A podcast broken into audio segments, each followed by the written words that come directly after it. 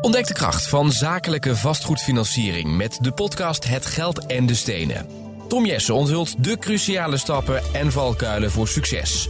Leer van de experts op bnr.nl of in je podcast-app. BNR Nieuwsradio. Vastgoed gezocht. Maarten Bouwhuis en Maarten de Gruiter.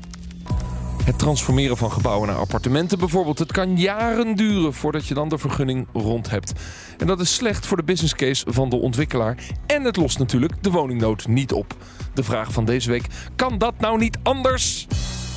Dit is vast goed gezocht, jouw wekelijkse update over de wereld van de stenen. Je hoort ons natuurlijk elke maandagmiddag half vier, s'avonds om 7 uur op BNR. Of gewoon online via je eigen podcastspeler. En zoals elke week staat ook Maarten de Gruiter naast mij. Uh, Maarten, een, een goede dag. Hallo. Ja, um, vorige week dinsdag uh, kwam er wat nieuws binnen. Ik zag het op Property NL en eigenlijk wel op alle sites die over vastgoed schrijven. Jason Blackmore, de man van de Zuidas, komt bij jou werken. Ja, ja geweldig. Ja, daar zijn we heel trots op. Ja, dat is natuurlijk toch iets zoals uh, sommige mensen uh, tegen mij zeiden, meerdere die dat hetzelfde zeiden. Ja, het is toch een beetje de Messi van het kantoor van Dat is een lekker compliment. dat is zeker een groot compliment. En ja, we zijn er waanzinnig blij mee. Maar het is toch niet dat hij geld gaat verdienen in de zandbak? Uh, hij moet wel gewoon echt aan het werk. neem echt aan. aan het werk? Nee, super. En hij, um, ja, we kennen Jason natuurlijk al heel lang als bedrijf en werkt ook al samen met hem. En um, nou ja, uh, super dat, wij, uh, dat, dat hij ons team komt versterken. Ja. En dan gaat ze natuurlijk met name richten op uh, nieuwe kantoorprojecten. Ja, want hij zat bij GNS, heeft hij heel veel gedaan voor de Zuidas. Ja. Dus heel veel ervaring in commercieel vastgoed en kantoren ja. ontwikkelen. we hebben hem wel eens in de uitzending gehad. een tijdje niet gewerkt, weggegaan bij GNS, even in between jobs. En jij dacht, deze Messi moet ik hebben. Absoluut. En um, het is een waanzinnige fijne vent. Dat, is, dat vind ik nog het belangrijkste. En heel goed mee samen te werken. En ja, die komt weer uh, nieuwe energie en een andere energie bij ons brengen. En natuurlijk ja, een enorme bak uh, kennis en ervaring. En um, nou ja, om uh, de grootste kantoorontwikkelaar van Nederland denk ik te worden. Dat is dan een beetje het doel. Hè? Kijk eens even.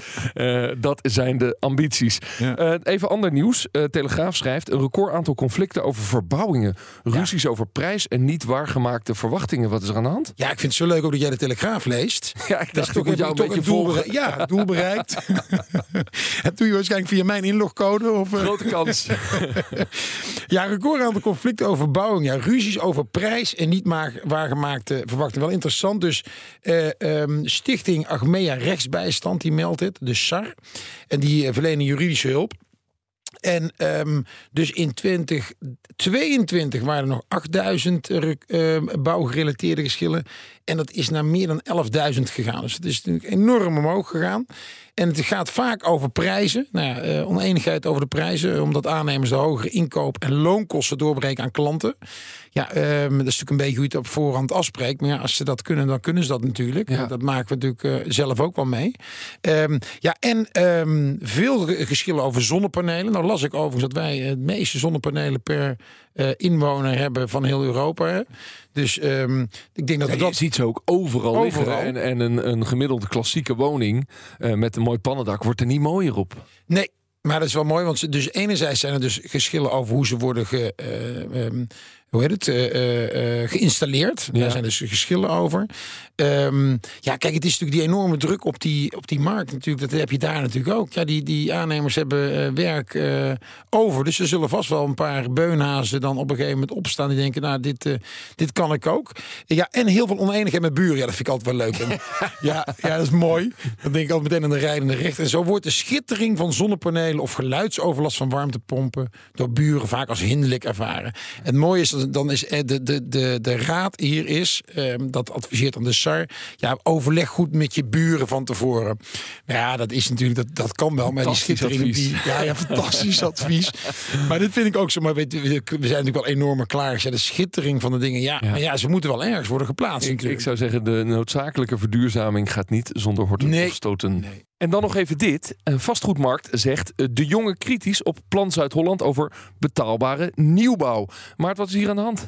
Ja, wel interessant hè, dat we sowieso de minister een keer aan onze kant hebben. Dat Oh, hij ja? ook kritisch is. Ja, vind ik wel. Dat hij, hij is namelijk kritisch. Hij vindt, uh, de jongen vindt het echt onverstandig dat Zuid-Holland een eigen plan trekt en verder gaat dan de normen die zijn gesteld door het kabinet. Ja, want het was een interview met gedeputeerde Anne Koning die duidelijk aangeeft dat ze dus die 30% midden, 30% sociaal en nou, et cetera, et cetera wil bouwen.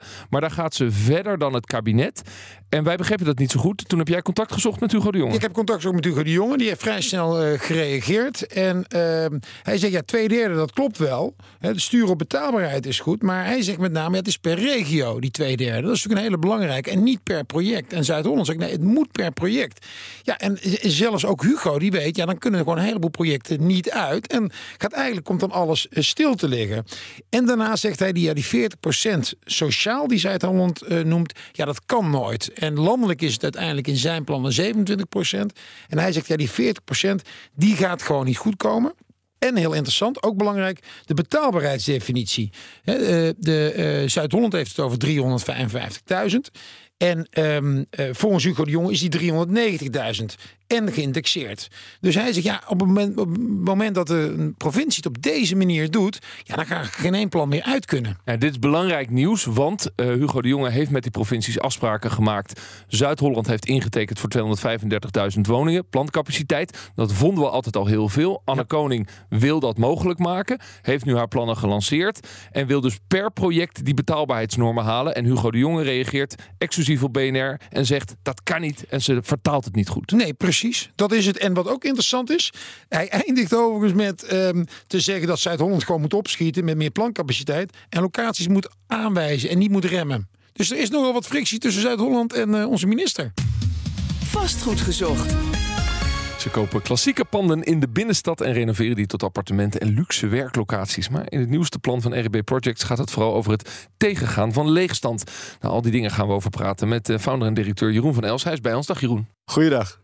Jullie zijn een relatief kleine projectontwikkelaar, met name actief in het Amsterdamse. Het is echt familiebedrijf? Ja, nou, we, we noemen het een uh, familiebedrijf van de koude kant. Uh, oh ja? Uh, ja aangezien wij, mijn, mijn compagnon en ik zijn getrouwd met twee zusjes. En vandaar dat wij zwagers zijn en dus de koude kant. Grappig. En Als onze ik... derde compagnon is weer de, de stiefschoonvader van deze dames. Nou, dat is toch wel een beetje een familiebedrijf, hè, Moet je geen ruzie krijgen met de kerst, dan... Nee, mijn familiebedrijf, ik heb daar twee jaar lang een programma over gemaakt. Die zeggen dit is voor de lange termijn. Ja, dus dat, is heel dat is een nee, ik ben het helemaal met je eens. Um, als ik dan op de website kijk, zie ik uh, prachtige projecten in heel statige panden. Echt grachtengordelniveau. Wat doen jullie daarmee met die panden? Nou, die hebben eigenlijk, uh, zo zijn we ooit begonnen, uh, 15, 16 jaar geleden. Uh, ja, eigenlijk de, de, de mooie plekken, de mooie projecten in de stad vinden. En daar een mooi product in maken, mooie appartementen. En, en eigenlijk dat is de basis van uh, waar we vandaan komen. Ja, en, en, dat is dus wel echt high-end. Dat is voor de, voor, de, voor de luxury guests. Dat, dat was zeker, um, dat is zeker high-end, ja. Ja, en als ik daar dan een appartement ga huren of kopen, eh, wat voor prijs heb ik het dan over? Nou, we hebben eigenlijk het grootste deel van wat we ontwikkeld hebben toch wel verkocht. Ja, uh, ja en dat is altijd gegaan tegen de, de dan geldende hoogst, hoogst haalbare marktprijzen die, ja. die, die konden. Er, ergens op de grachtengordel. En ontwikkel je dan ook in opdracht van de partij die dan ook eigenaar wordt? Wij hebben twee uh, modellen gehanteerd de afgelopen jaren. Inderdaad, enerzijds gewoon altijd de positie uh, uh, mede-eigenaar zijn in de positie. Die ontwikkelen en, en verkopen. En er zijn ook situaties geweest waar we eigenlijk vroegtijdig op een gegeven moment een, een koper hadden. En dan met die koper samen het, het project uitontwikkeld hebben. Ja. ja, precies. En als jij dan door Amsterdam rijdt en zeker over die grachtengordel heen, is dat je de hele dag hoe jij rondfietst in deze stad? Dat je kijkt van hé, hey, waar zitten de pareltjes? Nou ja, eh, ik fiets inderdaad veel door de stad. Eh, ik woon en werk in de stad. En uh, dus, dus kom je langs, de, langs alle plekken. En, en, en zijn er altijd weer, weer nieuwe, nieuwe ideeën die langskomen. Ja, ja nou, dit is een soort specialisatie van jullie. Waar moet zo'n pand dan aan voldoen om het, om het, laten we zeggen, door jou te laten kopen en, en dan iets moois van te maken? Gaat het alleen maar over de locatie, locatie en locatie? Nou, dit, dit locatie is absoluut uh, een, een soort toverwoord in, eh, in de business waarin we zitten. Maar ik denk dat de combinatie van uh, het, de, de, het pand zelf, hè, de, de uitstraling van, die het pand al heeft, en, en, en vooral wat je ermee kan doen. En is het de, de woningen die jullie ontwikkelen, is dat, wat zijn een beetje de, de prijzen van dat soort woningen? Is dat de... Nou, dit, de woningen die we tot nu toe hebben gedaan... zijn altijd eigenlijk wel de vrije sector woningen geweest. Dus Boven een miljoen? Ja, vanaf, uh, ik, ik denk de kleinste appartementen zijn geweest... Uh, 50, 60 vierkante meter tot wel uh, eh, 500 vierkante ja. meter appartementen. Ja. Ik, vond ze, ik las af, afgelopen week een, eh, een, een, een, um, weet het, een rapport van KRK-makelaars... en de gemiddelde verkoopprijs in Amsterdam 540.000 euro. Dat vond ik wel meevallen eigenlijk. Vind ik ook. Ja. Dat is wel groot Amsterdam, hè? Of Ja, is het- nee, dat is- nou, dat is het gemeente Amsterdam. Ja, maar er zit ook heel Nieuw-West bij. Ja, dat weet ik. Maar toch, want je hebt natuurlijk een heleboel, zoals Jeroen ontwikkeld. Dus je zit er ver boven. Dus Ja. dat- ik vond het meevallen. Ja, maar als Ja. we, nou over, we, hebben dus, we hebben het over betaalbaarheid van een, van een wereldstad. En dan is de gemiddelde verkoopprijs 540 Ja, dat gaat je in Londen niet lukken. Nee, vind ik, je, ik vond het wel meevallen. als je dat, eh, als je maar daar dat- zit, jij, daar zit jij niet in. ja, precies. ja, nou ja, wel als de kleinere, ja, 50, eh, 60 Zeker. vierkante meter. Ja, precies. Ja. Jawel. Ehm, eh, je hebt inmiddels ook een hele kantorenportefeuille daarmee opgebouwd in die luxe panden met, met een aparte naam, de Collection. Ja. Dat doe je met Highbrook als, eh, als investeerder. Wat is die grootste uitdaging bij het herontwikkelen van dit soort locaties? Ja, eh, voor- vooral het, het, het aspect om, om een goede vergunning te krijgen. Vergunning om het kantoor te laten zijn. Nee, of, of elke vergunning. Elke vergunning. Ofwel, zowel een, een residentiële vergunning als een, als een kantorenvergunning betekent gewoon dat je een proces aangaat, ingaat, eh, eh, waar, waar je aan verschrikkelijk veel eh, voorwaarden en input moet voldoen Ja, om te komen tot een vergunning. ja. En ehm, ja, er wordt vaak gezegd van ja, het is een traject van acht weken of van 26 weken, de korte procedure of de lange procedure. Maar eigenlijk kun je er altijd wel van zeggen dat het. de, de, de lange procedure duurt sowieso wel anderhalf tot, tot, tot drie jaar. Is dat, ja, want we hebben het hier vaak over. De, de, dat is gewoon hoe de feiten in elkaar zitten. Er is een formele termijn van 26 Ja. weken voor de lange procedure. Ja. Dat is exact een half jaar. Ja. Ehm, eh, en de praktijk is soms meer dan twee jaar. Absoluut. En waar zit hem dat in? Vanuit jouw perspectief dan? Vanuit mijn perspectief, ehm, eh, het, is, het is heel lastig om. Je, het is eigenlijk onmogelijk om een voor 100% complete vergunningsaanvraag in te dienen. Omdat eigenlijk eh, er is nergens een lijstje te vinden waarop staat: als je dit allemaal indient, dan, eh, eh, dan voldoe je. Ja. Dus we hebben het eigenlijk allemaal veel te complex gemaakt. Zeker, veel te complex en veel te uitgebreid. En, hoe, hoe dik is het boekwerk dan wat je moet indienen? Nou, wat je ik- dus niet precies weet wat je allemaal moet indienen, begrijp ik hieruit. Maar eh, je kunt nu met me meekijken. Ik denk een, eh, een centimeter of tien eh, haal je eh, makkelijk. Een centimeter of tien aan A4 papier Ja, ja, ingebonden, wat jij moet aanleveren voor een vergunning? ja zeker. En, dan, en wat voor type vergunning hebben we het dan over? Dan hebben we het eh, in de basis over een. het wordt natuurlijk complex op het moment dat er een rijksmonument in, in, in, in het spel is. Ja. Maar ehm, eh, de, de vergunning gewoon om het, om het bouwen van. eh, of het verbouwen. of het bouwen naar een appartement of naar een kantoor. ja. En wat staat Maar er dan dan zit je in? wel... Sorry. Wat, wat, sorry, wat staat er dan in? Wat moet je allemaal aanleveren dan?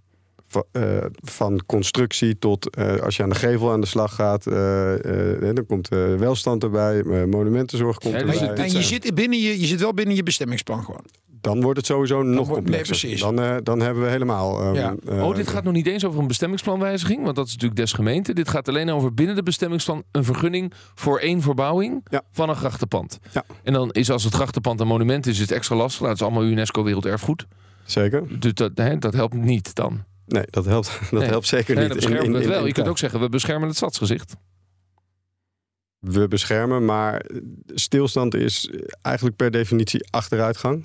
Ehm, dus dat is altijd een hele lastige discussie Ja, natuurlijk met de- een ontwikkelaar. Maar is er, komt er, maar- is, er zo weinig, is er zo weinig vertrouwen dan in marktpartijen? Eh, dit is een beetje een open deur natuurlijk. Maar is er zo weinig vertrouwen in marktpartijen... dat die niet goed omgaan met dit soort dingen? Want als je twee jaar bezig moet zijn om vergunningen te krijgen... Ik weet niet of het, of het een gebrek aan vertrouwen is of dat het een gebrek aan capaciteit is. Ik, eh, ik krijg regelmatig te horen, ja, we hebben op dit moment even geen capaciteit om uw eh, aanvraag eh, te, Ja, ik, op ik, te ik nemen. vind het heel fijn dat je dit zegt. Want ik hoop iedere keer dat iedere gast bij ons dit zegt. Want dan kan ik namelijk meteen terugbrengen. Dat ik absoluut niet geloof dat er capaciteitsproblemen zijn bij de overheid. Maar dat het micromanagement is. En als iedere eh, eh, ambtenaar die op deze dingen zit, op deze dossier zit, eh, aan micromanagement doet. Dan komen ze helemaal niet toe aan de grote lijnen. hoe, hoe, hoe zie jij dat? Nou, ik, ik heb wel eens begrepen dat als, een, als, als, als, als wij onze aanvraag indienen, dat die naar 28 verschillende diensten binnen de gemeente Amsterdam gaat om een vinkje op te halen. Ja, dat is een vorm van micromanagement, toch? dat, ehm, Eh, Vertaald dat per, per de conclusie van eh, ehm, het, het verhaal. Ja, wat moet er dan gebeuren om die trage procedures vlot te trekken? Nou, ik denk dat er, eh, waar ik aan zou zitten denken, is eh, maak focus teams. Hè, dus zorg dat je een, een, een team hebt gespecialiseerd in vergunningen rijksmonumenten. Ja. En, en die, hebben, die hebben één lijn. Die, die lijn kunnen ze heel duidelijk eh, eh, naar buiten communiceren. En andersom weet je dus als, als, als marktpartij of als partij. Dit, dit, eh, dit hele spel is overigens nog zonder de procedures die daarna nog komen. Dat maakt het alleen nog maar langer en onduidelijker. Want zowel bij, bij een rechtbank als bij de Raad van State ehm, is de lijst langer. Eén voordeel is dat op het moment dat je te maken hebt met woningen, dan, uh, dan, dan ben je bij de Raad van State wel in de versnelde procedure. Maar dat betekent dat ze in ieder geval binnen zes maanden in, be, in behandeling moeten nemen. Dat Ja. betekent niet dat je binnen zes maanden een uitspraak hebt. Ja. Eh, eh, heeft dit invloed op jouw business case? Natuurlijk, Ja. want iedere business case staat of valt bij tijd. En tijd is een component die zorgt voor een kostencomponent. Dus, dus dat gaat heel hard, ja. Maar dat is, dat is heel interessant, want die, dat, juist die component tijd, dat leeft bij overheden absoluut niet. Die begrijpen niet dat tijd geld is. Dat begrijpen ze echt niet. En, en als jij een half jaar vertraging, dan zeg je, ja, maar een half jaar, dat, valt er wel mee. Zou er dan niet een boeteclausule moeten komen? Dat als de overheid te lang doet over zijn procedures, dat, dat zij eigenlijk gaan compenseren voor, jou, voor jouw verlies in die tijd.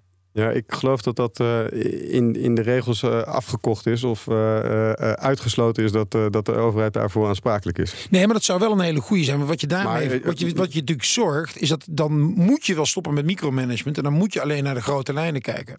Juist. Ja. Bestaande panden opnieuw inrichten voor appartementen en studio's bijvoorbeeld. Eh, daarover gaat het eh, met Jeroen van Els in deze uitzending. Dat transformeren wordt vaak gezien als belangrijk middel tegen ook de woningnood waar we het zo vaak over hebben. Maar ja, wat het uiteindelijk oplevert, dat valt eigenlijk best wel tegen, merkt ook eh, collega John van Schagen. Oude kantoren, ziekenhuizen en scholen die leeg staan. Ja, iedereen snapt dat het heel interessant is om daar woningen van te maken. Daar hebben we immers veel behoefte aan. En toch gebeurt het de laatste jaren steeds minder. In 2022 ging het om zo'n 9600 wooneenheden, blijkt uit cijfers van het CBS. En dat zijn er aanzienlijk minder dan de 15.000 die het kabinet jaarlijks voor ogen heeft. Met name het omkatten van kantoorpanden gaat minder snel. In 2022 kwamen er op deze manier zo'n 3000 woningen bij. 30% minder dan het jaar ervoor. De panden die echt aantrekkelijk zijn om er appartementen van te maken, zijn namelijk grotendeels al omgebouwd. Of, zoals hoogleraar Peter Boelhouwer eerder in dit programma al eens zei, dat laaghangende fruit is nu wel geplukt. Het aantal woningtransformaties verschilt trouwens sterk per regio en stad. In Almere bijvoorbeeld werden de afgelopen jaren bijna 100 projecten afgerond. In Utrecht daarentegen wordt er relatief gezien nog maar weinig getransformeerd. Daarom zeggen ze in Almere, het kan in Almere. We praten verder met eh, projectontwikkelaar Jeroen van Elsen. Hij is van Real Estate Business, beter bekend als eh, RB Project. Eh, ja, dat er nog steeds weinig wordt getransformeerd is dus de conclusie ehm, van onze redactie. Waar, waar ligt dat volgens jullie aan? Nou, ik ben niet helemaal op de hoogte of het, of het aan de transformatie ligt. Maar ik, ik, ik denk dat het eh, eh, tweeledig is. Ehm, als je kijkt naar transformatie, heb je ook dus een, een, een, lange procedure nodig om te komen tot, eh, tot je eindontwikkeling. En dan gaat natuurlijk spelen, ga ik vandaag voor de korte termijn transformeren naar, hè, laten we een kantoorpand nemen, naar, naar, naar woningen. Of, of ga je dan de, de tijd eigenlijk uitzitten totdat je naar je eindontwikkeling kan gaan en zeggen van oké, eh, ehm, eh, we gebruiken het nu, hè, tijdelijk gebruik, eh, korte termijn verhuur, kantoor, eh, dat soort oplossingen. We gaan tegelijkertijd die, die, die, die, die, die procedure in Ja. om die eindvergunning en bestemming te krijgen. Nou, gemiddeld in Nederland, volgens mij zitten we op 8, 9 jaar. Maar laten we, la- laten we acht jaar aannemen.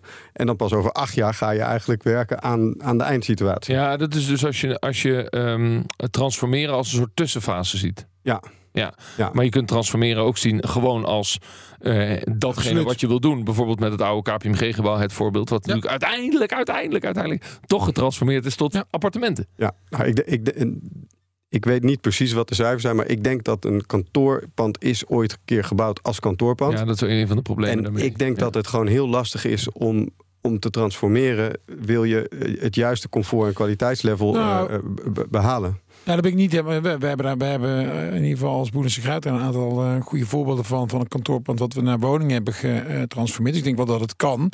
Ik denk alleen wel dat het zo is, eh, zoals ook in het item was. Ja, zoals Peter Boelaar ook zegt. Ja, er is gewoon niet zo heel veel meer. Nee, laaghangende fruit. Nee, dus, dus het is nog steeds heel belangrijk, maar veel meer voor de leefbaarheid van een, Ja. eh, van een stad, dat je leegstaande gebouwen wat mee doet. Maar om, om de cijfers te gaan halen die we moeten halen, helpt het niet. Nee, Ja, daar, ehm, ben, daar ben ik van overtuigd. In, in het licht van snelheid, ehm, eh, tot slot nog even eh, met je praten over een nieuw concept dat jullie aan het uitrollen zijn. Dat is overigens een eh, begrip wat je van Japke de Bouwman niet mag gebruiken. Het woord uitrollen, wat zegt dat nou? Maar goed. Eh, ehm, ja, Eh, je wil leegstand tegengaan, trage vergunningsprocedures beter overleven. En je wilt doen, iets doen aan het woningtekort in het middensegment. Nou, dat willen we allemaal. En dus hebben jullie bedacht We Care Living. Wat is het plan?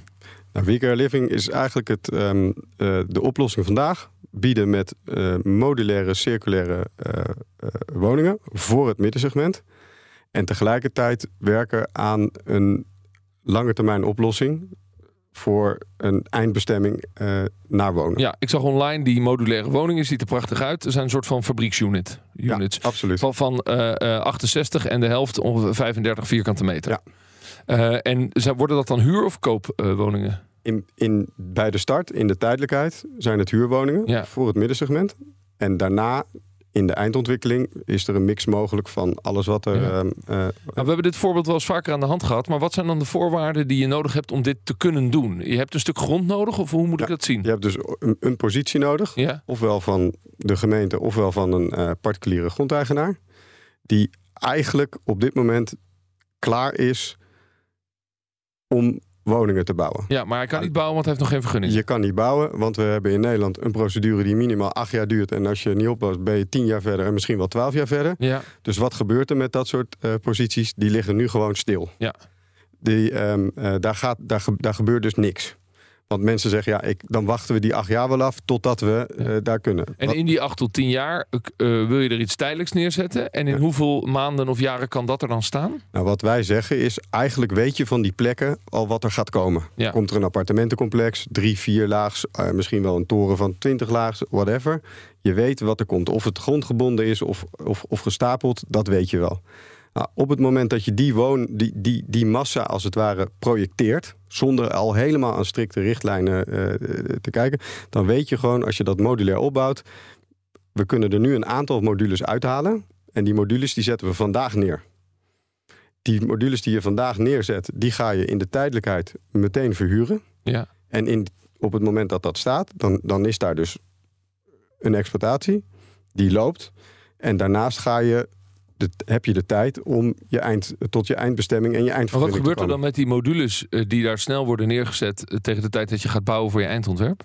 Nou, als jij, het, eh, als jij uitgaat dat je altijd alles modulair gaat opbouwen, betekent dat je die modules op het moment dat je de bestemming en de vergunning geregeld hebt, dan kun je die gewoon herplaatsen binnen het eindontwerp. Ja, dus ze komen niet per se op dezelfde plek en op dezelfde manier.